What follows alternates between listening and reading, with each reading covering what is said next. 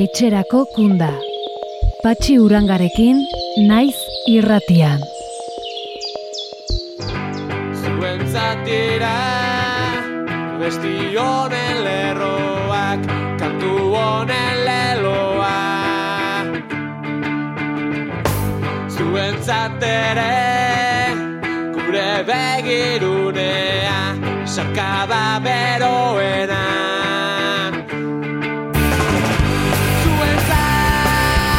Kaixo denoi eta ongi etorri etxerako kunda saiora.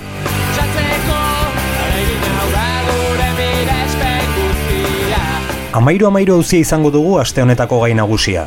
Ez dago politologoa edo euskal gatazka anaditua izan beharrik, ikusteko badire lobiak iraganean kateatuta nahi gaituztenak. Amairu amairu auzian jarritako zigorrak ahalegin horien adibide dira. Hori horrela, gaurko saioan bi elkarrizketa izango ditugu, biak afera berberaren inguruan. Batetik, sare herritarreko inazio jartzabal izango dugu, eta bestetik, zigortuen defentsan abokatu aritutako aiert larrarte. Astero legez, presoentzako agurrak entzungo dira, eta Joseba Garmendiak gatibu zegoela idatzitako olerkia eskainiko dien Baina saio hasi aurretik, astean zehar saioari buruz jasotzen ditugun iritzi eta ipuez hitz egin nahi dizuet. Gehienetan oso kritika onak ari gara jasotzen. Animo asko ere bai, eta maitasuna. Baina duela egun batzuk, deskolokatuta lagan induen iradokizun bat egin zidan entzule batek. Iradoki zidan, presoi agurmezuak eta kantak eskaintze ongi dagoela, baina eskaintzei dagokionean saioa hankamotz ikusten duela. Zertaz ari zen galdetuta, ziplo bota zidan, oraindik ez dugula zoriondu Euskadiren zerbitzura berrogei urte bete dituen erakunde bat. Omenaldia ere egin zaiola, eta ez genuela ipatu. Eztabaida sutsua bezain errespetuzkoa izan zen, eta garai berria kontutan hartuta, tratua ere egin genuen. Entzule handana galdu arren, saioaren hasieran kanta bat behintzat jarriko dudala agindu nion. Ez naiz hitza jatekoa eta ordoa, Euskal Herri mutilatu honetako hiru lurraldetan, herriaren zerbitzura edo euskalo zertan berrogoi urte bete dituen erakunde edo zera hori gogoan. Ya está aquí, ya llegó la patrulla canina. Si hay algún problema en Bahía Aventura, la patrulla canina va a solucionar. Marshall, Ravel, Chase, Rocky, Thomas, Guy, sí, acudirán. Ya está aquí, ya llegó la patrulla canina. Ya está aquí, ya llegó, vamos todos a una. No hay nada que no pueda hacer, juntos lo conseguirán. Todo bajo control. Ya está aquí, ya llegó la patrulla canina. Eta orain bai, Euskal Herrian barrena korrikan gatoz gaurkoan. Etenaldi behartuaren ondotik, bueltan baita Euskararen aldeko herri lasterketa. Eta niri, galdera hoxiotu zait. Kalean, korrikaren tropela ikusita unkitzen bagara, zer ez duten sentituko Euskal Herriko kartzeletan gatibu direnek telebistari begira. Hemesortzi, hogeita bi, amabost, amazazpi edo eta hogei urtetan Euskal Herriko bazterrak ikusi gabe pasandoren. Pentsatze utxarekin, olioipurdia jartzen zait eta gorputzak astindu eskatzen dit. Ea gorila biskuitzen zuziri honekin espabilatzen naizen.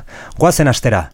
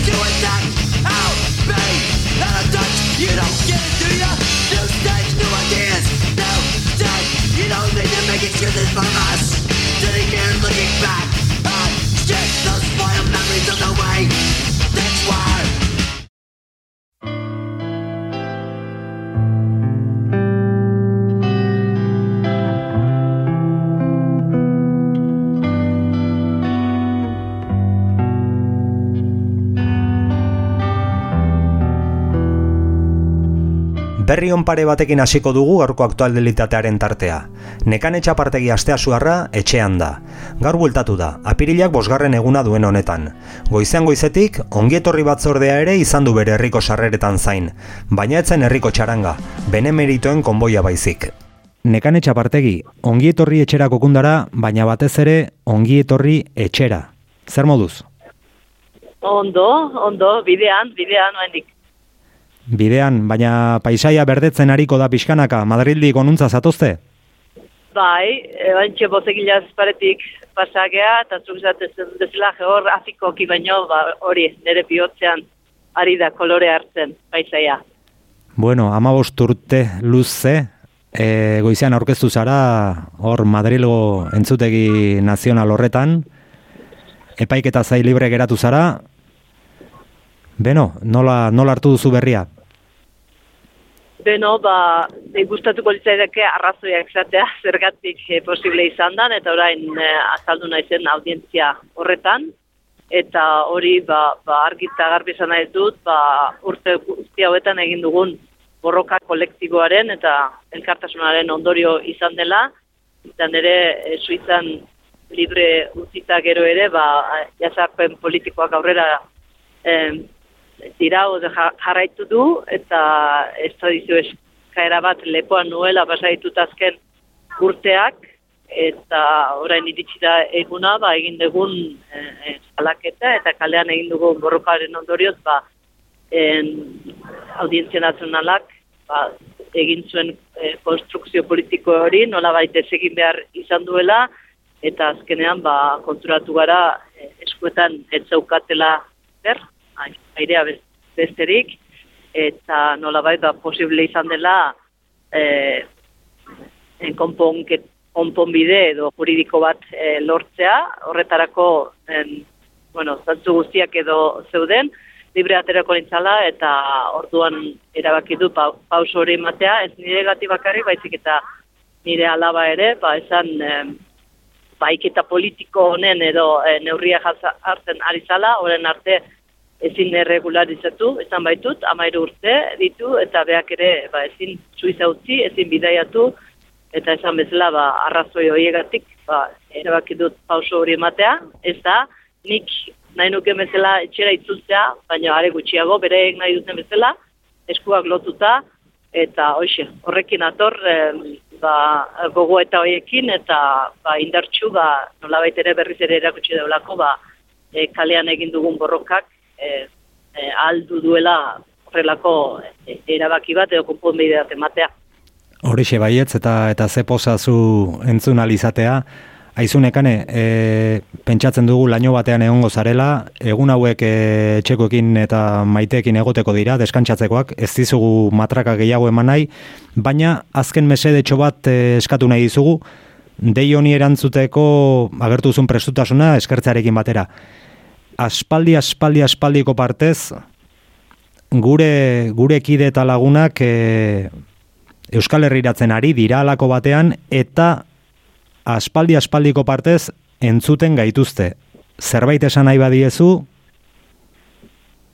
Ba bai, espero dela bereik ere e, ni bezala Euskal Herrian aski izatea, nik horretarako ba e, borrokan jarraitzko asmoa dudala, eta hoxe denak aski izan arte, e, zapi morea lepoan, euskera e, ahoan, e, herria bihotzean, ba, jotake danak askatu arte.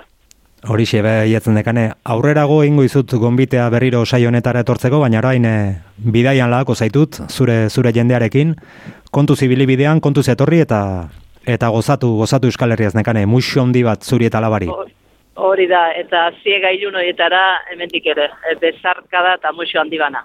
Horixe baietz, eutxik astarien ekane. Horixe, laizter arte. Eskarik asko, aio. Hori.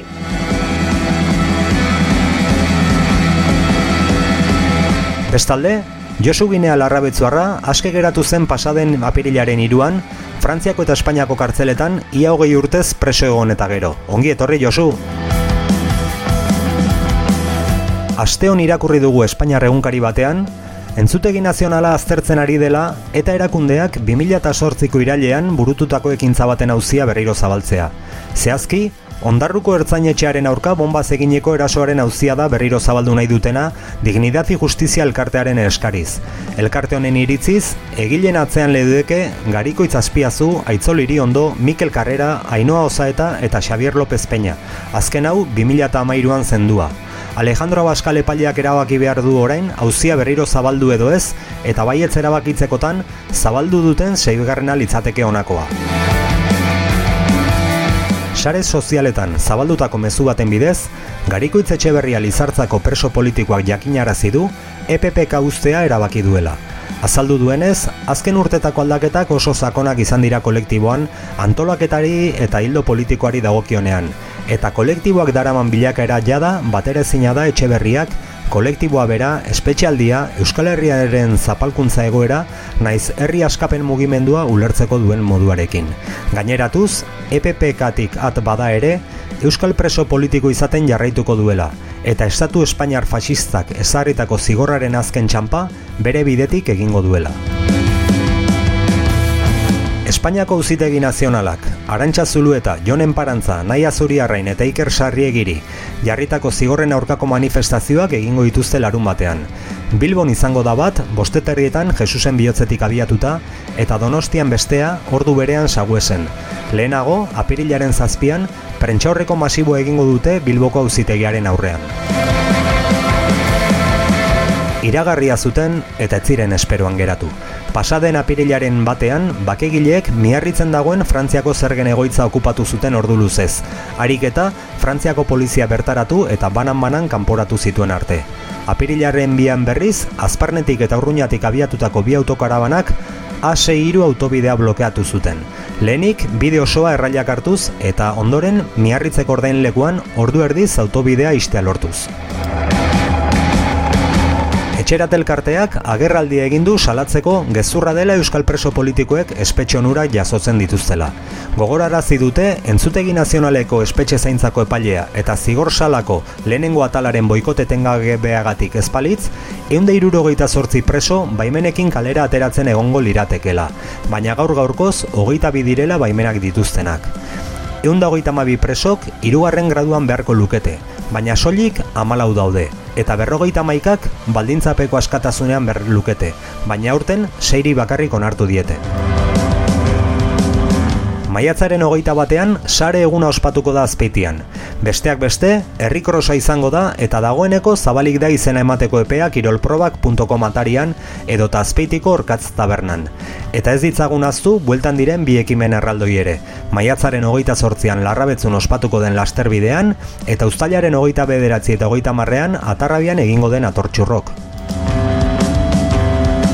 Tipularen sehaska kanta filma dokumentalaren urrengo emanaldiak gogoratuko ditugu orain. Apirilaren zazpian, Arbizuko udaletxean eta Donostiako telafabrikan seiterritan hasita, eta zazpitatik aurrera jurretako montoste elkartean.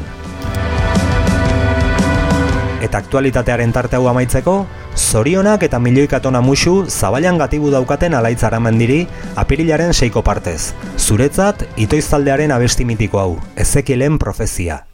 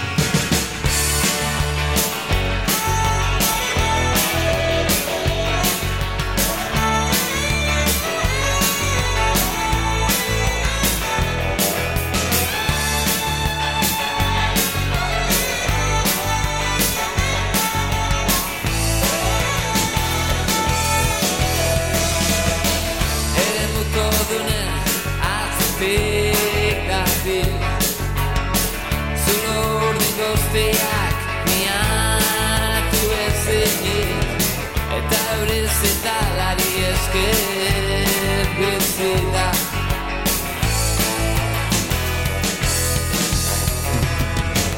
Ikusi zituen gurpezuak Arranotu zaizkio amoratu Eta bazter batean aurkitzen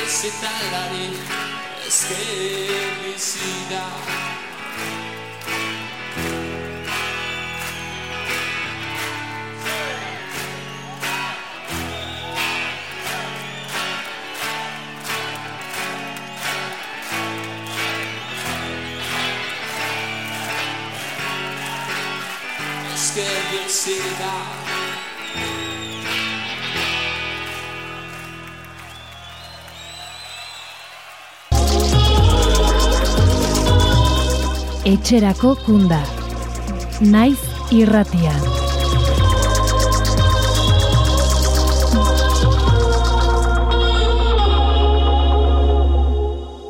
Arestian aipatu dugun bezala, amairu amairu hauzia dugu aste honetako gai nagusia. Ez dago politologoa edo euskal gatazkan aditu izan beharrik, ikusteko badirela lobiak iraganean kateatu dutan nahi gaituztenak. Eta auzi honetan ezarritako zigorrak dira ahalegin horren adibide. Epaia solasteko lehen elkarrizketa auzipetuen defentsarako abokatuari eskatu diogu eta gurekin daukagu aiert larrarte. E, ongi etorri etxerako kunda saiora? Eskerrik asko, Patxi, eskerrik asko. Aiert, e, behar bada motza izango naiz, baina nola interpretatu behar da sententzia hau? Iz nik esango nuke, sententzia dela CNI eta Guardia Zibilaren tesiaren interpretazio behartu bat. Uste horrela definitu daitekela. Sententzia txar bat, aurretik ere iragarri genezakena, eta aipatu dezun lobby eta indarro horien aritik datorrena. Bai, baina e, hemen e, entzun da, e, bueno, zabaldu dira, frogak ez dakiz zer ustez e, autopatu dela, bestea topatu dela, irregulartasunak mila euren estiloan beti, baina Bai, hala ere zigorrak. bai, nik uste adibide batekin oso ondo ulertu daitekela. Gu bagatoz e, kasu honen oso antzekoa den beste kasu batetik, bai, herri da sumariokoa. Bertan uste eta mazazpia bokatu epaituta kondenatu ziren, bai. 2000 eta, e, uste eta maika, hau, izan zen, e, prozedura hau, e, albokakoa 2000 eta marrekoa izan, eta eta herrirakoa 2000 eta mairuan. Ere, 2000 eta mairukoa lehenengo epaitu, lehenago epaitu zen 2000 eta amarrekoa baino. Herrirako sumarioan e, akordio batera iritsi ginen, bai? Eta akordio batera iritsi ginen, bueno, ba, tribunala alako azalako eta fiskalia, eta tokatu zen fiskalare alako azalako. Mm, kasu honetan, guk iragarri genuen, e, bigarren kasu honetan, atxe albokako prozedura honetan ezingo genula akordio berdina iritsi, batez ere tribunala eta fiskalia desberdinak zirelako, bai? Eta har, har e, herrirako prozeduran bezala, uste denun hemen, batetik, e, pertsonak bi aldiz epaituak izaten, izaten ari zirela, den parte hartze eskutu eta eta maltzur bat bazeroela, torturak zeudela, denboran gehiagi luzatu zela prozedura eta e, eta etzula legea behar den e, lekuetara ere, eremuetara ematen. Eta sententziarekin ba, horixe horixe e, bai estatu da, ezta? Sententzia balioa estatu du, zeneiren e, iarduera opako edo, edo izkutukoa, balio estatu ditu torturak, eta esan bezala, hori, zeneik eta guardia zibilak aurretik e, idatzita zeukaten tesia, ba, berrestu eta interpretatu du. Kaltea egina dago, orain e, diote epaitegi gorenean e, errekurtsoa aurkeztu daitekela, baina i, suposatzen dut e, errekurrituko dizuela, baina inolako itxaropenik baduzue, orain arteko ikusita? Bueno, eh, orokorrean, sententziaren valorazioa egiteko orduan, bai botatzen dugu faltan e, errealitate sozialetik at dauden e, argudioak erabiltzen direla, bai? Eta orain dela urte batzuk desagertu ez balitz bezala jokatzen du sententziak. Hortaz aparte, hortaz aparte, uste du teknikoki hainbat gauza badirela planteatu alizateko. Gogoratu behar da guk, legite jartzen dugu zutik gorenean, e, entzutegi nazionalian pertsonak eta egitateak epaitzen diren bezala, e, entzute e, gorenean, e, sententzia bera epa, epaitzen da. Eta uste dugu hor teknikoki, e, ba, hainbat, e, hainbat e, giza eskubiden eta oinarrezko eskubiden urraketak, kontutan hartu beharko lituzketela. E, uste dugu teknikoki e, hainbat froga ez dituztela kontutan hartu eta hartu, hartu beharko lituzketela. Uste dugu arrazoiketa guztiz borobila ez dela eta e, arrazoiketa borobila ez, ez delako e, sententzia bertan bera bota beharko luketela. Baino esperantzan ere muan guri oso zaila egite zaigu mugitzea. Bai? Nik eh, daukaten sensazioa da, jurikoki, ba, bai, argudioak badauzkagula, baino bonek arlo juridikoarekin e, errazio gutxi dula. Gehienetan bezala, ezta? Gehienetan bezala. Gehienetan bezala. Epaiketak irabazten dituzue, baina jendea zulora? Bai, e, ez dakit, nik uste juridikoki indartsua gerala. Juridikoki, eh? Juridikoki. Uste ezkera bertzaleak estatuko abokatu gobenak dauzkala baino ez dut uste honek e, islada daukanik e, Espainiako zeinbat tribunaletan. Eta islada ez du, usten dut, mm, izan gaitezkena bezain indartsuak ez gerelako politikoki estatuarekiko. Estatuarekiko. Eh? Bai.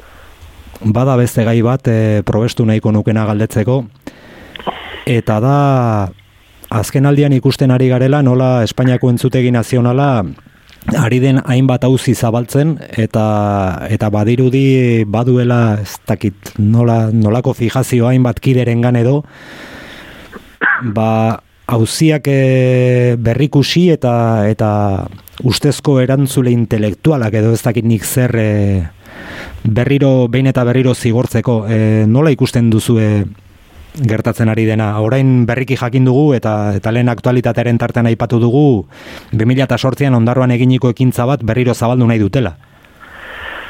Ez dakit ofentsiba bat eta zitzein dezakegun, baina entzutegi nazionalean baina baitu dugu alako alako, bueno, berrikuspen bat, berrikuspen bat. Hor badaude, e, kausa asko aztuta zeudenak eta berraktibatu dituztenak, badaude kausa berri batzuk, argitu gabeko kausak, e, irureun kausa hoien e, atzetik datozen ikerketen inguruan daudenak, eta beste bibide iriki dituzte, bat erantzule intelektualen atzetik joateko e, asmo hori eta gero bestetik e, delitos de lesa humanidad eta eta etaren e, ekintzak delitos de lesa humanidad e, baloratzeko ofensiba bat dago, bai? Ez dugu uste hau entzutegi nazionalaren e, blokean datorren erantzun bat danik, bai? Hor e, detektatzen daigea, bai dela epaile, magistratu eta fiskal zehat batzuk e, nik uste e, entzutegi nazionalen kriterio horreki, e, orokorrekiko insumisioak e, insumisioak deklaratu direnak, atzetik, seguro, badaudela, e, arrazoi politiko edo taktikoak, ditu dizun ezun bezala, bai, lehen ez, hitz egin dugun e, estado profundo edo lobby, lobby hoiek e, atzetik egongo direla, Ez dugu uste hau Euskal Herriko kasuei eta erakundeko kasuei bakarrik eh, mugatu daiteken zerbait denik. Nik uste disidentzia, edozen disidentzia motari zabaldu dezaiok egun eh, egoera badala. Ikusiko dugu honek, esenatiko berriak irikiko dituen, edo esenatoki berriei eh, irekita ote dauden, bai? Eta, eta bueno, guk eh, ikuste dugunez, e, saiakera hauekin eta bidean aurkituko dituzten bidelagun egokiekin, ba bueno, e, ezkera bertzale zuzenean egurra eman nahi izango diotela. E, berriro impresio berdina, guk juridikoki armatuta gaude, juridikoki arrazoi daukagu, juridikoki dozein tribunal imparzialetan, e, ez dago ke inungo, inungo arazorik, baina entzutegi nazionalean gaude, eta entzutegi nazionalaren iarduera hauen e, aurka, politikoki ustet oraindik oso aula gerala. Lanik ez zaizue falta, e, egoera ez da, ez da, ederrena, indartxu ikusten zarete, datorrenari aurre egiteko? Bai, e, no, ni memoria pixkat egite badegu, eta nundi gato zen, goratzen badegu, bueno, hori dela amar urte, astero genuzkan atxiloketak, egunero genuzkan torturatuak, zazpire un preso genuzkan, estatuko berrogeita bost gartzeletan, bueno, uste egoera desente aldatu dala. Eta ez dezala inorrek ezk interpretatu politikoki aula gerala esaten detenean.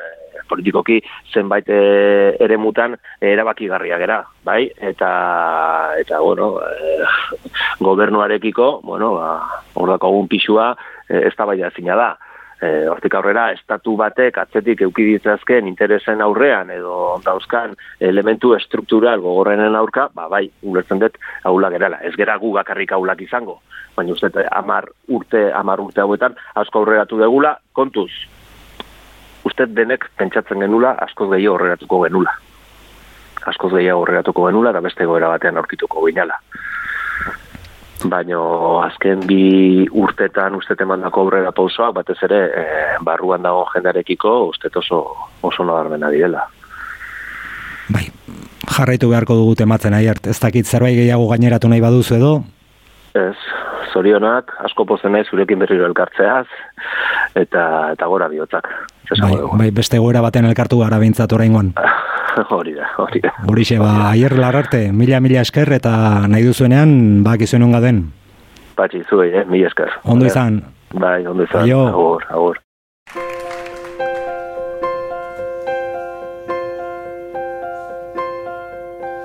Zurekin egon nahi nuke ondartzako itzalea marteko iturri eta sumandien azalean maitasunaren kalean gauaren portalean egotea delitu den audientzi nazionalean.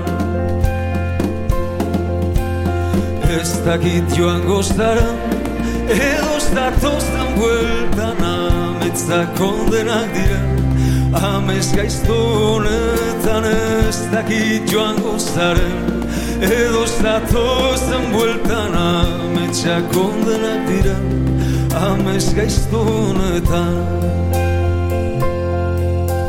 Zurekin egin nahi nuke Mundu bat ondarralean Barrikada bat elizan Aitare bat magalean Maitasunaren kalean Gauaren lehen portalean Egotea delitu den audientzi nazionalean. Ez dakit joan goztaren Edo zatozen bueltan Ametsak kondenak diren Amez gaizto honetan Ez dakit joan goztaren Edo zatozen bueltan Ametsak kondenak diren Amez gaizto honetan Airararari Airararari Airararari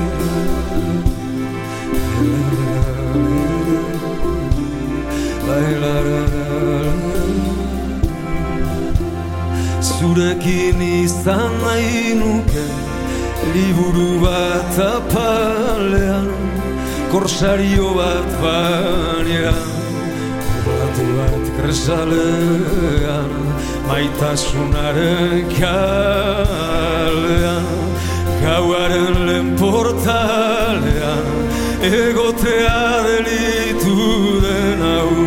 audientzi nazionalean Gauaren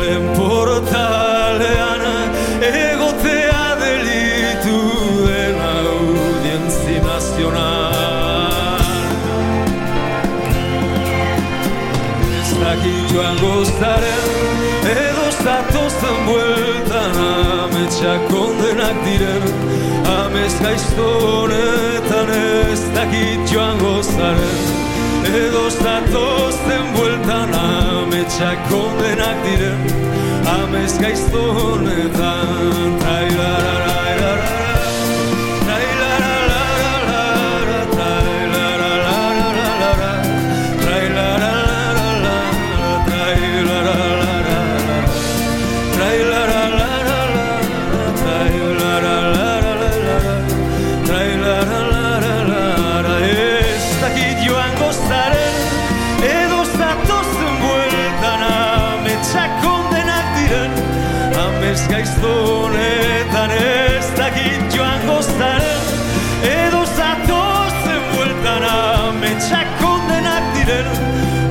gaizto honetan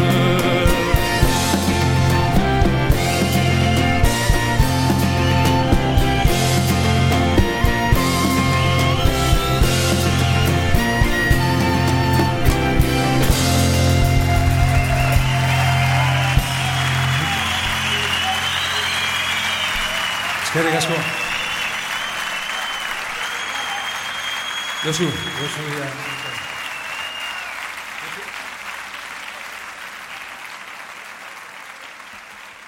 Aier Larrarte abokatu agurtuta, gaurko beste elkarrizketan Inaxio Iartzabalen gana jo dugu epai honen inguruan sare herritarrak duen iritziaz galdetzeko. Inaxio Iartzabal ongi etorri etxerako kundara. Kaixo, atxaldeon. Beno, epaia emana dago, jakina da, kartzela urte gehiago, e, ze, ze valorazio egiten du sarek epai honen inguruan? Ba, ba guk eh, zalantzarik gabe, bueno, salaketa salatu dugu e, epai hau, e, batez ere azpimarratzen e, alde batetikan, bueno, e, zigortuak izan diren izan direnak, e, bueno, abokatu lanak egiteagatik e, zigortuak e, izan direla, beste alde batetikan ere bai, ba, ba e, eta kokide izatearen e, ideia horren e, e, badela duela ja e, amar urte baino gehiago e, e, ez dagoen talde baten e, kide izatearen e, zigorra e, ezartzen zaiela eta gainera jakinda e, epai honen oinarri nagusia ere badagoela bueno, ere modu zalantzagarrietan jasotako e, informazio baten e, inguruan, ez? Eta hori guztia ikusita e, ikusten dugu e, 2008 bigarren urtean, oraindik horrelako epai eta sententzia batzuk bizi behar izatea, kartela zigor batzuk izatea, ba, e, lekurik ez daukatela, e, ba, guk ere salatu nahi izan ditugu, eta e, adiratzen nahi dugu, ba, e, torkizuna eraikitzeko, beste modu bat egiteko eta egiten ari dela e, Euskal Gizartea, Euskal instituzio eta administrazio ezberdinak ere bai, eta bide hortatikan e, ba, guztiei norabide horretan e, lanean jarraitzeko eta horrelako egoerak ba, denon artean salatu eta denon artean e, ba, bertan bera edo gelditu baritugula. Ikusten denez, e, badira lobby batzuk edo sekulako presio egiten dutenak, eta hi pixu ikaragarria dutenak. Bai, badirudi badagoela alde bat oraindikan e, ba, iraganera begira dagoena, iraganeko e, egiteko modu bat egiten jarraitu nahi dutenak eta horrek e, oinarrian ba, mendekua, gorrotoa eta mina eragiten jarraitzea, sufrimendua eragiten jarraitzea da eta guk e, zarantzarik ez daukagu e, elkarbizitzaren, konponbidaren e, garaia dela, bide horretan lan handia egiten ari dela, e, lan handia egiten ari da alderdi ezberdinetatik, baina baita ere, bueno, ba, ideia eta kalean ere, ba, bueno, e, lan handia egiten ari da, eta bide horretan jarraitu behar degula, garbi daukagulako, ba, horrelako jokabideek, horrelakoek e, ez daukatela gaur egun lekurik, ondoren goi ere, beste modu bateko gizarte bat ere utzi, usteko e, ba, e, pixu hori badaukagula eta horretan lan egin degula. Eta Madridik edo etortzen diren horrelako jarrera jokabide guzti horiek e, ba, oztopatu dugula eta ba, beste modu batean e. Izan ere, paiaz gain, aurri ikusten ari gara ere kartzeletako egunerokoan, ba, ze, ze, ze blokeo dagoen, eta eta hor daude datuak, ez, e, irugarren graduan beharko luketenak, baldintzapekoan, eta bar, lobi indartsua, baina, bueno, e, beste alde batetik ere, prestutasun oso ere, bai, egoera hauekin amaitzeko? Bai, hori da, uke garbi daukagu ez, azkenean e, txirate prozesu horretan dauden pauso ezberdinetan, ba, ozopo ikaragarriak ikusten ari gerala, e, ba, e, mundu edo epaile mundu edo mundu jurikatura mundu honetatik ere bai izugarrizko oztopoak izatzen ari direla gaur egun e, ba, berrik isalatu diren e, bigarren graduan egondako baimenen ukazioak, irugarren gradurako edo irugarren gradura igarota ere bigarren gradurako regresioak eta bide hortan e, guk e, garbi daukagu norabidea zein izan behar duen horretan lan egin behar dugu pauso handiak ematen ari dira ere bai e, ez dira ez daude presa guztiak oraindik Euskal Herrian eta horretan lan egiten jarraitu behar dugu, baina egia da, ba bueno, duela bi urte edo gauden egoeratikan urruti gaudela ere eta hori ere, ba bueno, badara baloratzeko, baina garbi ikusita eta gerian utzi dizkigute askotan nun dauden oztopoak, nun egin dituzten etxeratze prozesu horiek eh zango trabatu eta guk hoiek gaiendu, hoien gainetik egon bargera, hoiek gaientzen saiatu bargera eta garbi daukagu ba oztopo guzti horiek e, bertan bera gelditzen e, lan egiten jarraitu behar dugula. Datorren apirilaren bederatzirako bi manifestazio ditutu, deitu dituzte barkatu, e, bata Bilbon eta bestea Donostian. Bertan izango da sare?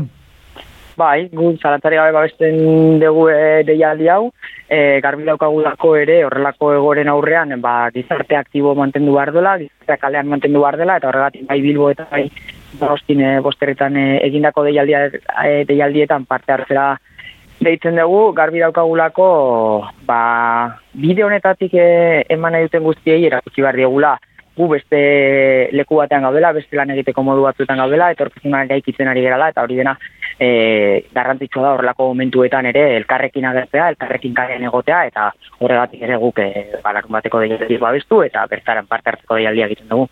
Bertan ikusiko dugu elkarri naxo? Hori da, larun bat arte. Ondo ondo izan eta, eta mila esker gure deiari erantzutegatik. Zuei, eskerrizko. Aio. Aio.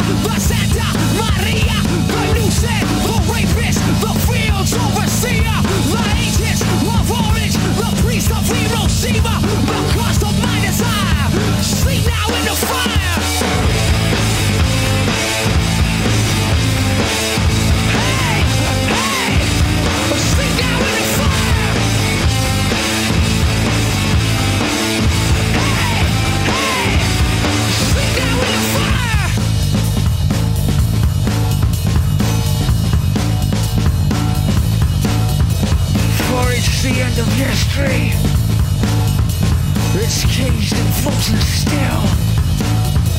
There is no other pill to take. So swallow the one that made you ill.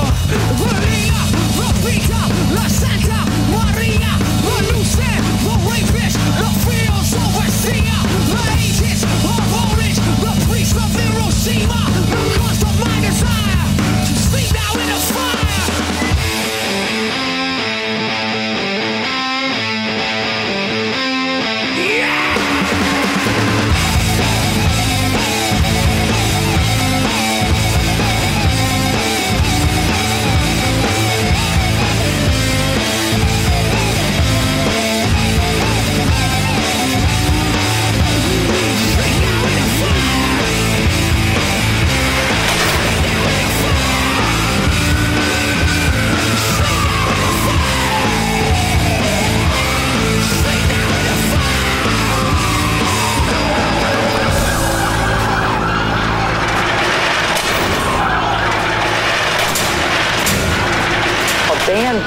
Uh, The Machine Rages On, or Rage Against the Machine. That band is anti family and it's pro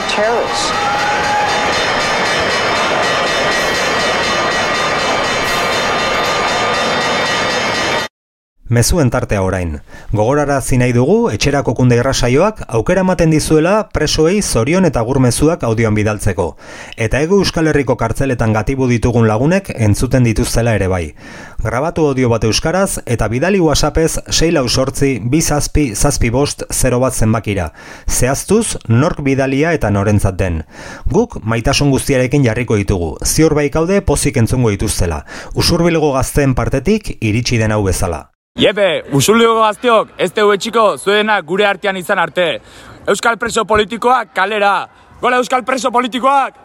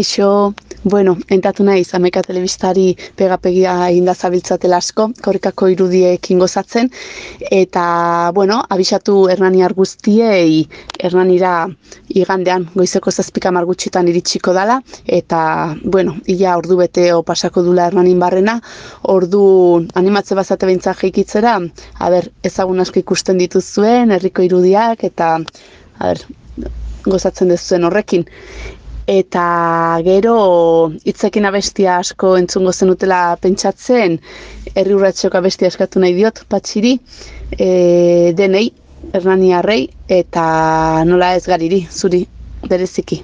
Bale, muxa handia handia, pia maite izut. Aio.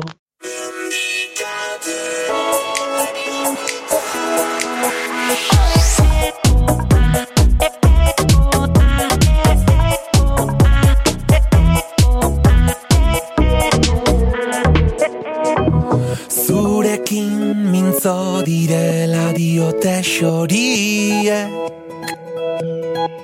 Esan zer kanta egin dizuten. Zein gertu gauden sentitzen alden amaiurren. Hori diote baikorrin ere mugalari hoiek Mendikate honek lotuta Zure zauria nirea da Ta kantu hau biona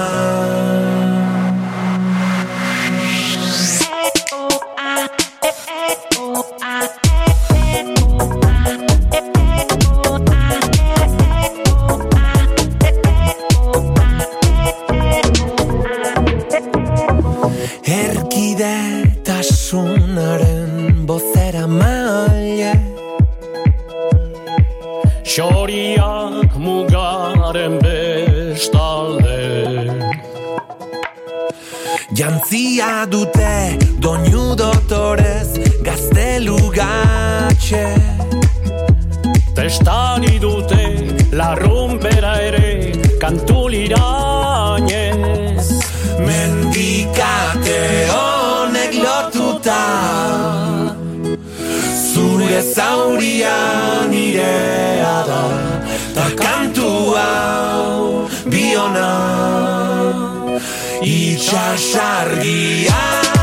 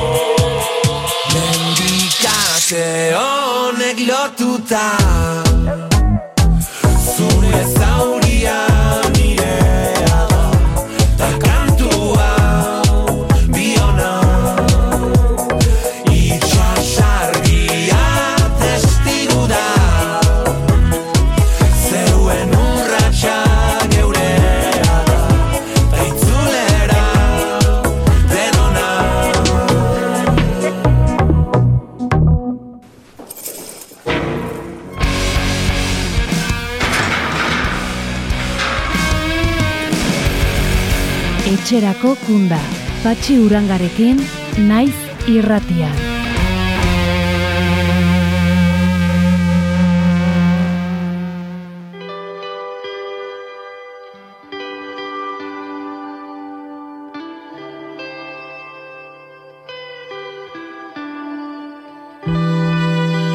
Jarraitzen dugu astero-astero, ziegazuloan sortutako altxorrak entzulekin partekatzen. Asko eta asko direlako kartzelan idatzitako olerki, ipuin eta bertsoak, margotutako irudietako adroak. Gaurkoan, Joseba Garmendiak gatibu zela idatzitako olerki ederrau dugu zuei eskintzeko. Nahiko nuke irakatsi alizatea, espazio mugatuetan askatasuna barruraz barraiatzen dela. Denbora pausatuaren gain laguntasun iraunkorrenak, maitasun sakonenak irabazi aldirela. Nahiko nuke irakatsi alizatea errudun errugabe sailkapena gure kasuan esan nahi urrikoa dela, herri baten biziraupena, borrokatzean izaera, sena, zentzuaz betetzeko aukera, sendotzeko bidea irekitzen zaigula. Nahiko nuke irakatsi alizatea, bizitzan importanteak direnak, ziga bateko neurrian sartzen direla, daukagunaz baino garenaz jabetzea. Zoriontsu izateko abantaia gutxiren esku dagoena mugarri ordainezina dela. Nahiko nuke irakatsi alizatea, ezinezkoa gertatzen zaidana, irakastezinak diren arabera norberak soilik ikasgarriak baitira.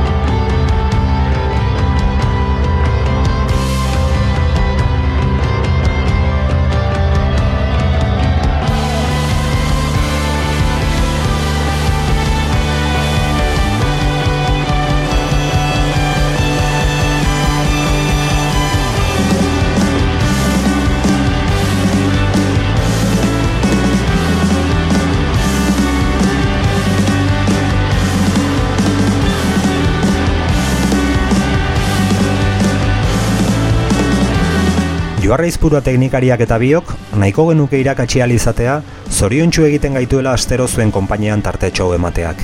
Eta nahiko genuke irakatsi ere, maite ditugu laguren zuleak, zer esanik ez gatibu daudenak. Entzule, plazera izan da. Datorren astean, okerrik ezean, hemen izango gaituzue, etxerako kundan. Beti, azken kunda izango den itxaropenaz. Etxera ekarriko dituen kundan. Bitartean, ondo izan, eutxik ikastari eta aurrera beti. Aio!